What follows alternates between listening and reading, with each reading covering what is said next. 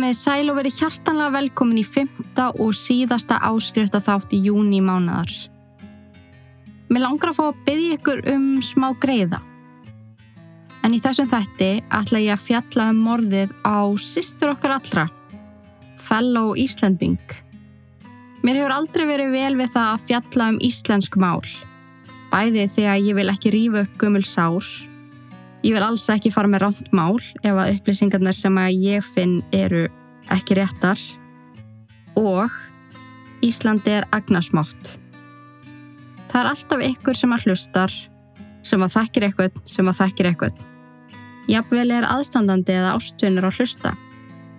Svo þetta hefur alltaf hrætt mig að tala um íslensk morðmál. En það var bent mér á þetta mál fyrir svo litlu síðan og ég verða viðkjöna að það fór algjörlega fram hjá mér. Ég kannast ekki við nafnið, nýja hvað kom fyrir. En eins og ég hef sagt svo oft við ykkur áður, þá finnst mér mjög mikilvægt að saga fórnalampa sé sögð. Því að þetta voru manneskur, rétt eins og ég og þú, sem áttu sér drauma og þrár. Sína slæmu daga og sína góðu daga.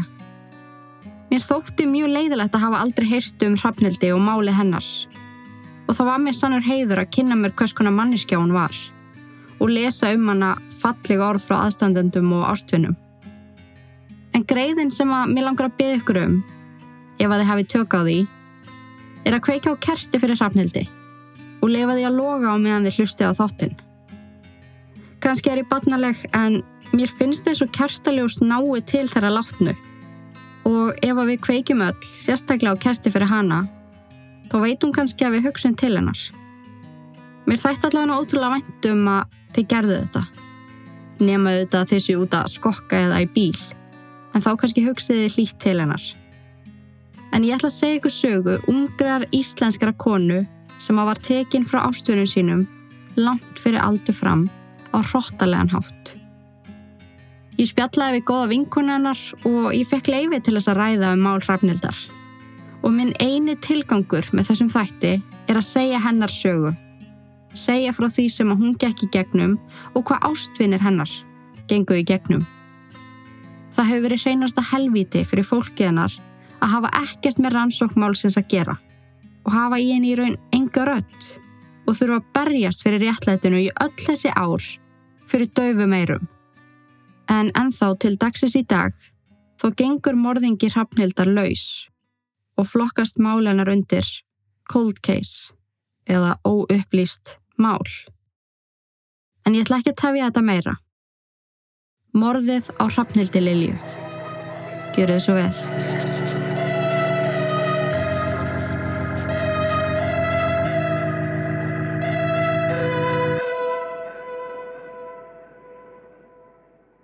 Hrafnildur Lilja var fættan 28. mars ára 1979 sem var þýður að hún var hrútur í stjórnumerki.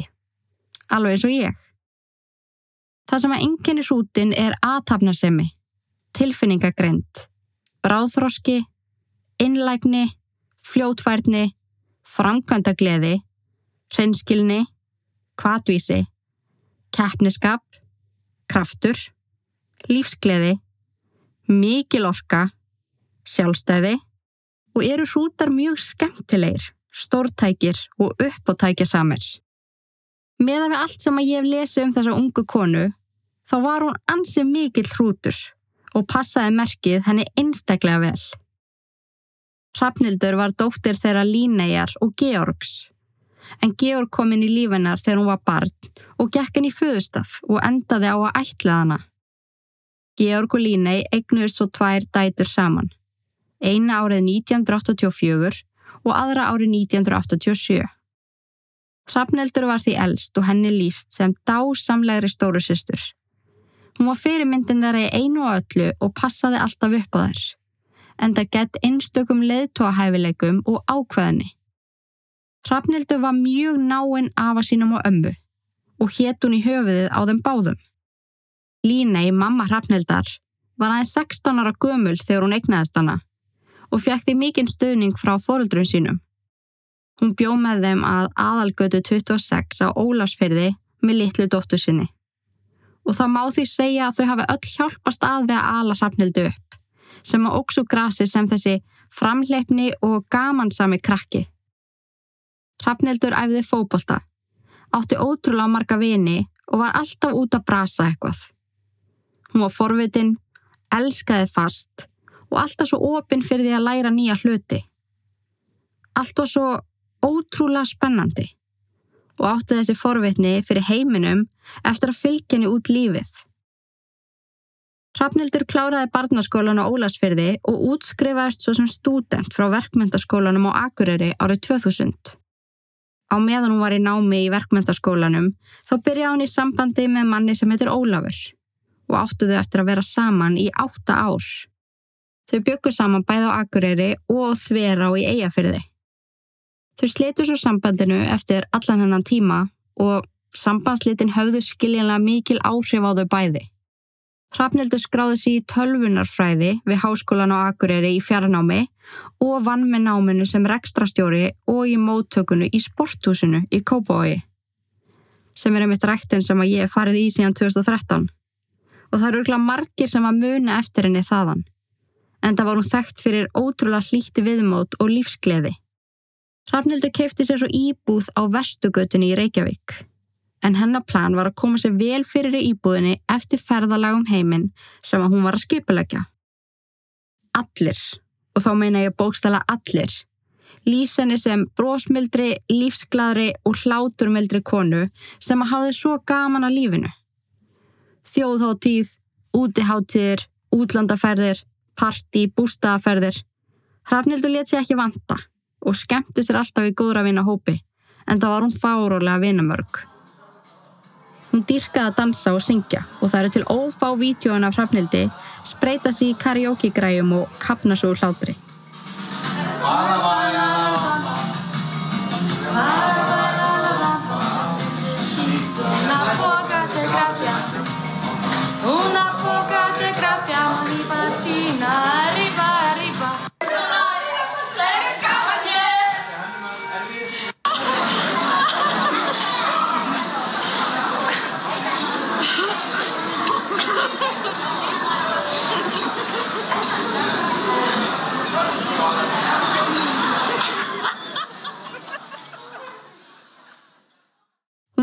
Sem svo fárólega skemmtilega manneska sem að hefur auðvitað alltaf verið ótrúlega gaman að vera nálagt.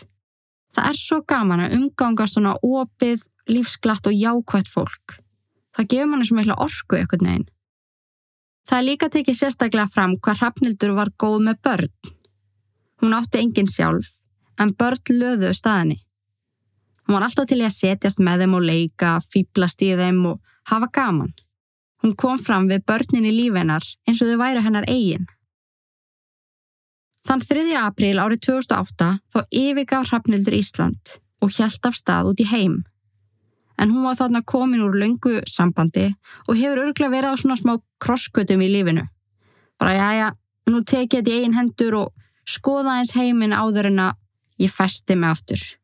Og ég skil hana svo ótrúlega vel.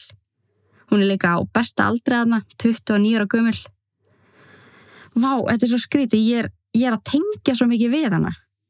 Hún er samastjórnumverki og ég, hún var jágumul og ég og alltaf í sporthúsinu. Vá, er út, þetta er útláð mögnu tilfinninga eitthvað neginn. En Hrafnildur segir í bloggfæslu á síðu sem að hún hjælt út, sem að var alveg pott hér blogg central, en hún segir sér satt, ég er að ferðast án tiltekinar stefnu eða enda staðsefningar en hún ætlaði allavega að ferðast út í janúar 2009. En svo ætlaði hún að taka stöðun upp á hvort hún heldi áfram að ferðast eða hvort hún kemi aftur heim til Íslands.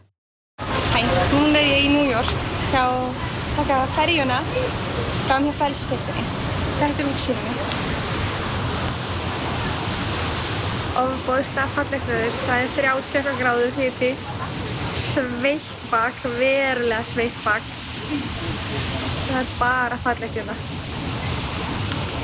Ég hef búin að vera hérna dansandi með alveg gæðvíkislega skemmtilega tónlist og fólk, það var eitt strák og fannar hérna að dansa eiginlega með mér það. Rosalega gaman. Mjög viðviðandi tónlist. Veit ég hvort það heyrist en ég er að reyna. Everybody's free. Bara snill. En hún byrjaði á því að ferðast til Ástralíu sem er helgerinnar langt ferðalag. Þar var hún í rúma viku, síðan fer hún til Dubai og endaði svo í Dóminíska líðveldinu. En þar sækir hún um vinnu á hóteli sem heitir Extreme og er ennþá starfandi. En það er staðsett á strönd sem heitir Kite Beach á Caparete svæðinu. Þetta er ekkit eðlilega fallegur staður og ég skil hana svo vel að hafa heitlast af þessum stað en hún skrifar einmitt í bloggið sitt Lendi Paradís eftir að hún hefði komið sér fyrir. Þessi strönd er túristasvæði og mjög vinsall áfangastæður. En ströndin er í aðeins 18 km fjarlað frá Púrt og Plata fljóvellinum. Og þarna hefur líka allt. Ótrúlega fallegt útsýni yfir fjallagarða, hús í alls konar litum, hvít strönd, hlíjan sjó, nætulífið er skemmtilegt, það er fullt af koktelstöðum, maturinn er góður, geggjaður áfangastæður. Og það er líka mjög vinsælt og þessi staður er raun frægu fyrir það að kitesurfa. Og þarna fyrir til dæmis fram World Cup í þessari íþrótt sem er kitesurfing. Og á þessu svæði búa um 14.600 manns. Hrafnildur fjekk vinnuna sem hún sótti um á Extreme Hotelinu og því starfi fylgdi íbúð á hotelinu líka sem hún gætt búið í. Henni og eiganda hótelsins varð vel til vina og hann hjálpaði Hrafnildi alveg helling þegar að koma því að koma sér fyrir og kynnast svæðinu. Og rúma um tvei mánuðum eftir hún byrjaði að vinna hjá Extreme þó tók hún við rekstrunum á hótelinu, barnum og veitingastanum sem að segja svo ótrúlega mikið til um hvers konar manneskja hann var. Það er líka að tala um það að þegar hún var barn þá var hún strax algjör leðtogi. Þetta er svona típa sem varð yfirmæður í öllum störfum sem hún var í. Því að hún var tilbúin að taka þetta auka skref. Var alltaf svo jákvæð og dugleg. Það hjúts að vera Íslandingur og fást líka stöðu eftir svona stuttan tíma. Og vákváðan máttu vera stolt að sjálfur sér. En hún skrifar í bloggfæslu 1. ágúst 2008. Ég er formlega tekin við hótelinu, barnum og veitingastada ekstrím. Allt gengur rosa vel og eigandi staðarins er mjög ánæði með vinnuna mína. Svo það er allt í himna lægi. Og það er alveg greinlega brjála að gera hjá hann í vinnunni og hún hafi potið eignast alveg hellinga vinnum því að hún skrifar ekki bloggfæslu aftur fyrir 3. september. Og í hana skrifar hún. Alveg rétt. Það tekur jú bara smá stund að skrifa að ég sé á lífi. Undarvatnadaga er búið að regna alveg heilmikið og í gær kom loksins vindur með og lokalstrákandi hérna skelltu sér út á sjóin. Snar brjálæðir en rosa gaman að sjá. Það hefur bara verið svo gaman hjá henni að hún glemdi sér og vildi þarna fullu þessa fólki sitt um að það sé allt í góðu með hana. En þegar hún talar um að lokalstrákanir hafi farið úti í sjóin, það á hún við að þeir voru stunda breymbretta svif eða kitesurfing eins og vorum að tala um áðan. En Hrafnildur segir einni í blokkfæslunni að hún og aðrir sem að störfuðu með henni hafi tekið fram bortennisborð og sett á stað happy hour fyrir gestina sem að voru allir blöytir og kaldir eftir alla rigninguna og rókið. Ofan á það þá að gestum farið að leiðast því að ramagni hafi sleið út. Fólkið sem að vann með henni dyrkað hana. Mörgður að segja að hún hafi verið vingjartlegasta manneskja sem að þau höfðu nokkuð tíman hitt. Og það vissu ástvinir hennar á Íslandi mjög vel en það var nákvæmlega sömu skoðun. Þeim fannst öruglega gott að geta lesið bloggið hennar og fengið þannig að vita að það sé allt í góðu. En ástunum hennar grunaði ekki hvað var framundan. Þau höfðu aldrei geta ímyndað sér frettinnar sem að þau myndu fá frá dominíska liðveldinu. En það trúa flestir á það góða í öðru fólki. Að annað fólk vilji öðrum vel og þó sérstaklega þegar að fólk er svo sapnildulilja á í hlut. Kona sem var svo góð við allt og alla og vildi öllum vel og hvatti aðra áfram. Það gerist ekkit slæmt við þannig fólk, en það er enginn sem myndi vilja gera henni megin. Maður getur því ekki á neittnátt ímynda sér hversu harkala heimur ástuna hrafnildar hrundi þegar þau fengu símtalið örlaríka.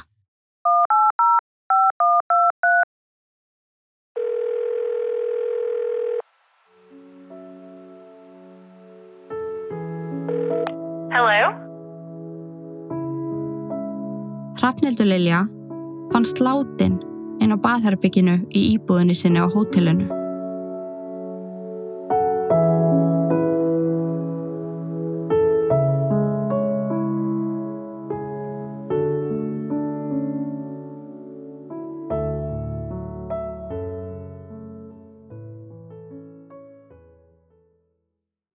Vefsíu fréttamiðilsins El Nuevo Diario kom fram að Íslensk kona hefði fundist látin á Extreme hótelinu í Cabarete.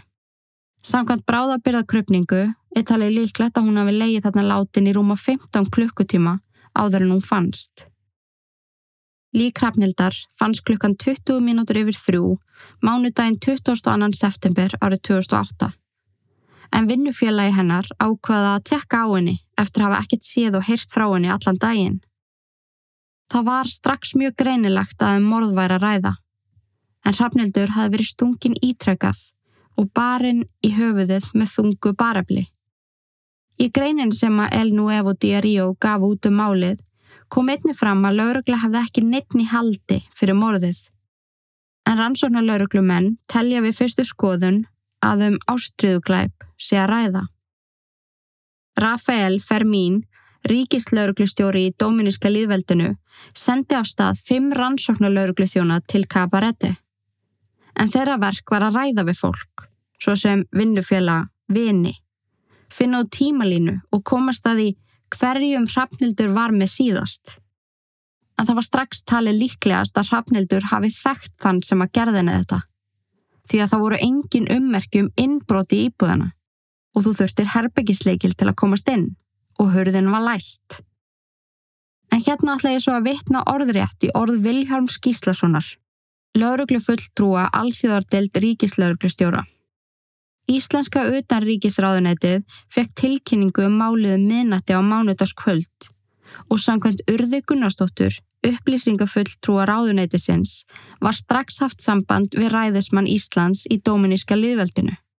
En þau vildu auðvitað fá greina góður upplýsingar eins fljótt og hægt er. Þá sérstaklega svo ástunni hrafnildar sem að voru þarna í algjöru óvissu og byðstöðu fengju almennilegar upplýsingar um hvað hafði komið fyrir. Viljálmur Gíslason segi svo. Við lögum mikla áherslu á okkur er þið haldið upplýstum um gangmála jafn óðum og rannsókn vindu fram. Nú býðum við bara eftir upplýsingum að utan. Þar til að við fáum þær þá getum við ekki staðfest neitt nema að lauruglan er að rannsaka málið. En svo eru það ljósmyndirnar. Ekki nómið það að ástvinni hrafnildar hafi fengið þessar skjálfilegu frettir.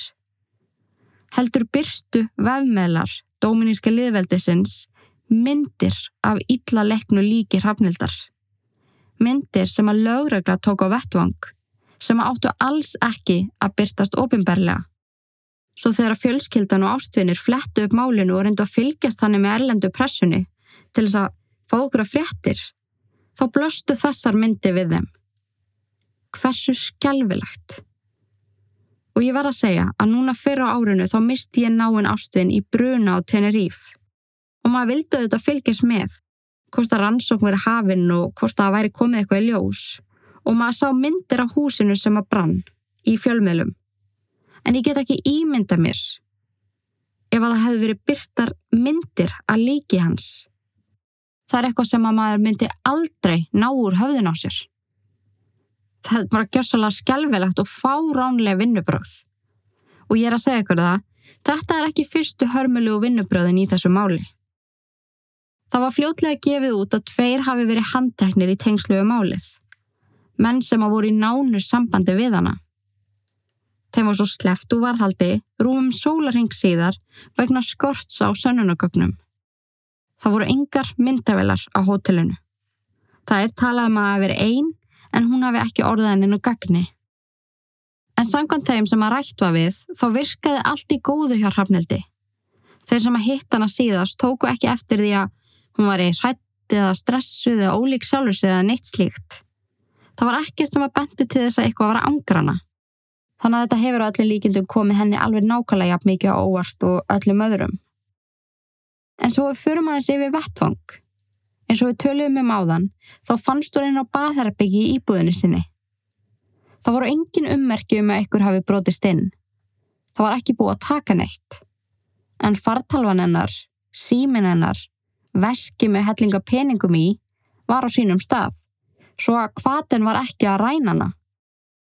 Eftir að almennileg krupning var gerð, kom í ljósa hrafnildur var mjög líklega á lífi þegar mikið af áverkunum voru gerðir. Það voru djúbstungusári bringu, auksl og höndum en líka mikið af grunnum stungusárum sem hefði ekki dreyjana til dauða. Það voru einnig áverkar á holsenar, munni og úliðum, líkt hún hafi verið með handjátt, bundin eða eitthvað slíkt. Það sem að kröpningalæknir taldi að hafi orðið henn að bana voru þunghögg á höfuðið með hamri. Ég finn ekkert um það hvort að nýfurinn eða hamarinn hafi fundist á glæpavettvang. Og mig grunar ekki því að ég held að það hefði annars verið tekið fram. Tilfinningin sem að ég fæ strax er að mig grunar að Hrafnildur hafi forðað sér inn á baðherbyggið því að hún var stungin aftan í aukslina. Og yfirleitt eru stungusár höndum eins og hún fekk líka sjálfsvarnasár, svona eins og hún hafi borið hendurna fyrir andliti á sér. Af þeim glæpum sem ég hef kynnt mér í gegnum árin og það sem hefur komið út úr rannsók þeirra, þá er ég sammála því að um ástriðuglæp sé að ræða. Mér finnst það allan að rosalega líklegt. Það er nokkuð gefið að hún hlifti manneskinni sem að varðin að bana inn eða að manneskinn hafði greiðan aðganga íbúðinennar því að hurðin var harlæst. Og það þrengir hópin alveg helling strax. En samt ekkert neginn komu engar nýjar vísbendingar fram. En ástriðu glæpir eru nær undan tekningalöst, overkill sem þýðir í rauninni það að morðingi veitir mun meiri áverka en þarf til þess að verða manneski að bana. Það kemst kannski upp eitthvað lindamál. Það er slitið sambandi. Það er hótað að segja frá ykkuru. Ykkur verður til þess að morðingin fyrir úr því að elska og vera hrifin í að hata á augabræði og hættir ekki fyrir það er allt og sent. Þess vegna er þetta kallað ástriðuglæpur því að ástriða er mjög íkt mikil og gengur oft mjög langt. Það sem ég finnst líka að gefa það að mögulega hafi þetta verið ástriðuglæpur er því að yngu var stólið, nema auðvitað hamarnum og nýpnum. Ef að það var í eigu hrafnildar þar að segja, var hún með verkvarakassa inn í íbúðinni sinni eða tók morðingin hamar með sér sem að gerir þetta þá fyrirfram ákveðið. Það er alls konar svona pælingar sem að maður fær engin svör við. Maður hefði haldið að símagökkrafnildar væru skoðuð og talvanennar, hverjir voru tjekkaðarinn á hótelið, hverjir voru að vinna á þessum tíma. Ef hún var að deyta eitthvað, voru þá ekki SMS og símringingar þar á milli. Ég finn ekki sem það, en það getur auðvitað verið að fjölmjölar á Íslandi hafi ekki greint frá smáadröðum rannsóknarinnar, hafi reynilega ekki fengin einn smáadröði og jáfnvel hafi þessi hluti bara ekki verið skoðaðir af rannsóknar lauruglu. En næsta kenning sem að yfirlauruglu þjótt kom með var að líklegast hafi þetta verið sjálfsvík, þar sem að það var ekkert nýtt að koma fram í rannsókninni. Þeir sem að voru yfirheyrðir gengu út í frelsti eftir Róman Sólarhing því að það var ekki nóga gögnum til staðar til að halda þeim.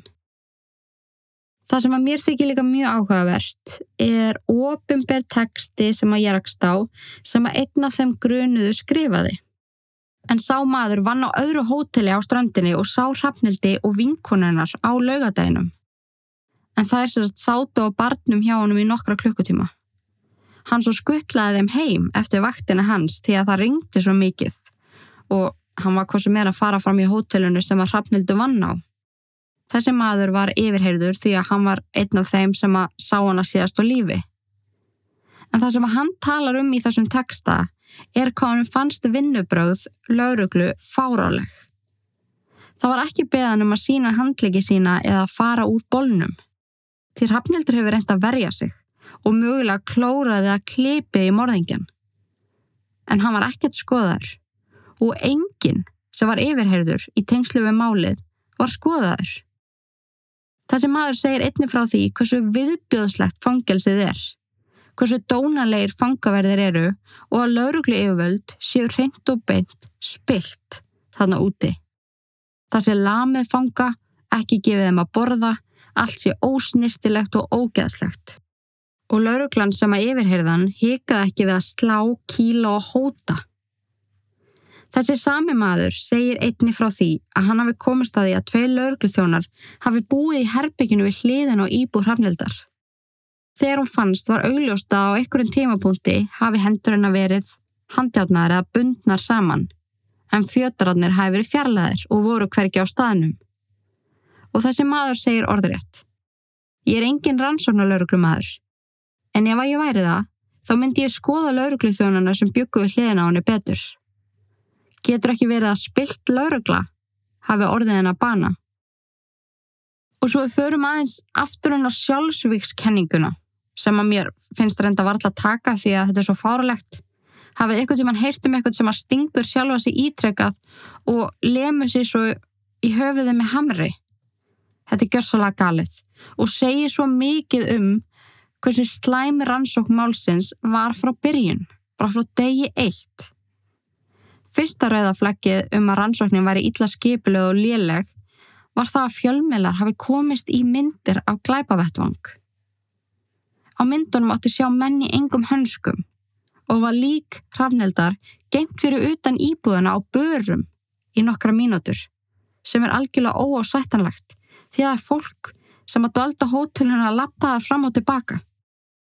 En rannsóknin á máli hrafneldar stóði yfir í eitt ár eða rúmlega það. Árið 2009 þó tilkynnti lauruglan í Dóminíska liðveldinu að rannsókninni sé formlega lokið og eins og ég saði byrjun þá gengur morðingi hrafnildar en þá laus og hún hefur ekki fengið réttleiti sem að hún á skilið. Ekkur mist hana á hróttalegan hátt og komst upp með það. Það er ekki lægi. Það er algjörlega óásættanlegt og umulegt. Mér langar að hveti ykkur til þess að gerast meðlemið Facebook-hópsins við viljum réttlæti fyrir hrafnildi Lilju Georgsdóttur.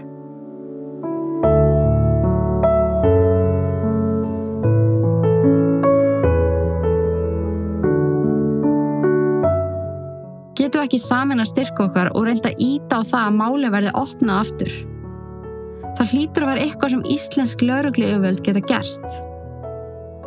Ég hugsa svo ótrúlega stert til hennar, síðan ég heyrði af þessu máli fyrst. Þá voru hann alltaf í hugana mínum.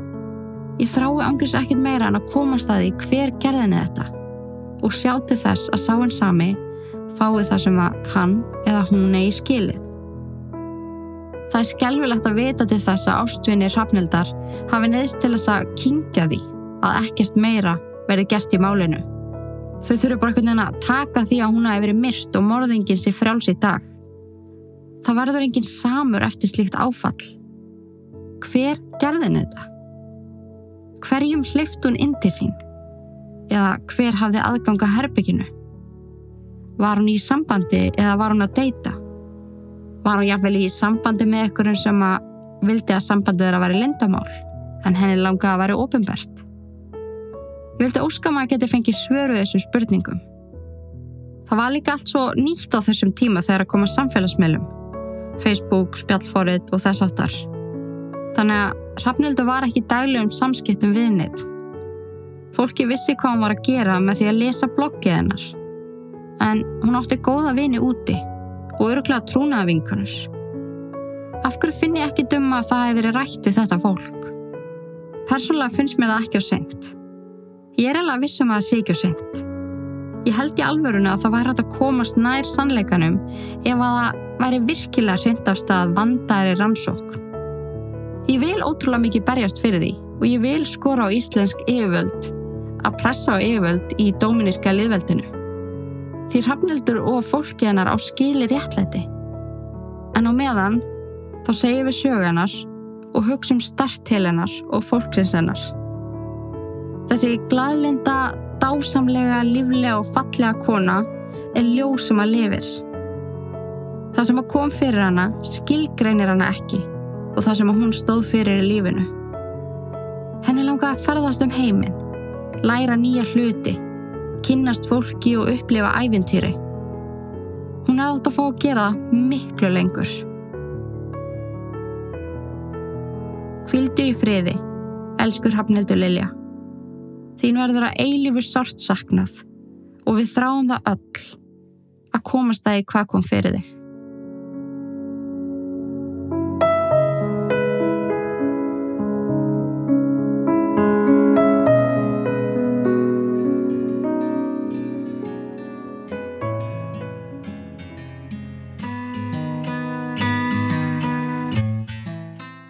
Þetta mál tók ótrúlega mikið á. En ég vona að ég hafi komið vel frá mér. En ég var með virðingu og ásta leðaljósi þegar ég skrifaði þetta handrit. Það var algjör heiður að fá að segja sögur hrafnöldar. Og ef einhver ástvinur hennar er að hlusta, þá vil ég segja þér að hugum minn er hjá þér og ég sendi þig kærleik og styrk. Og ég veit að allir sem að hlusta á íllverk gera það líka. Þakk ykkur fyrir að hlusta. Takk fyrir að vera til.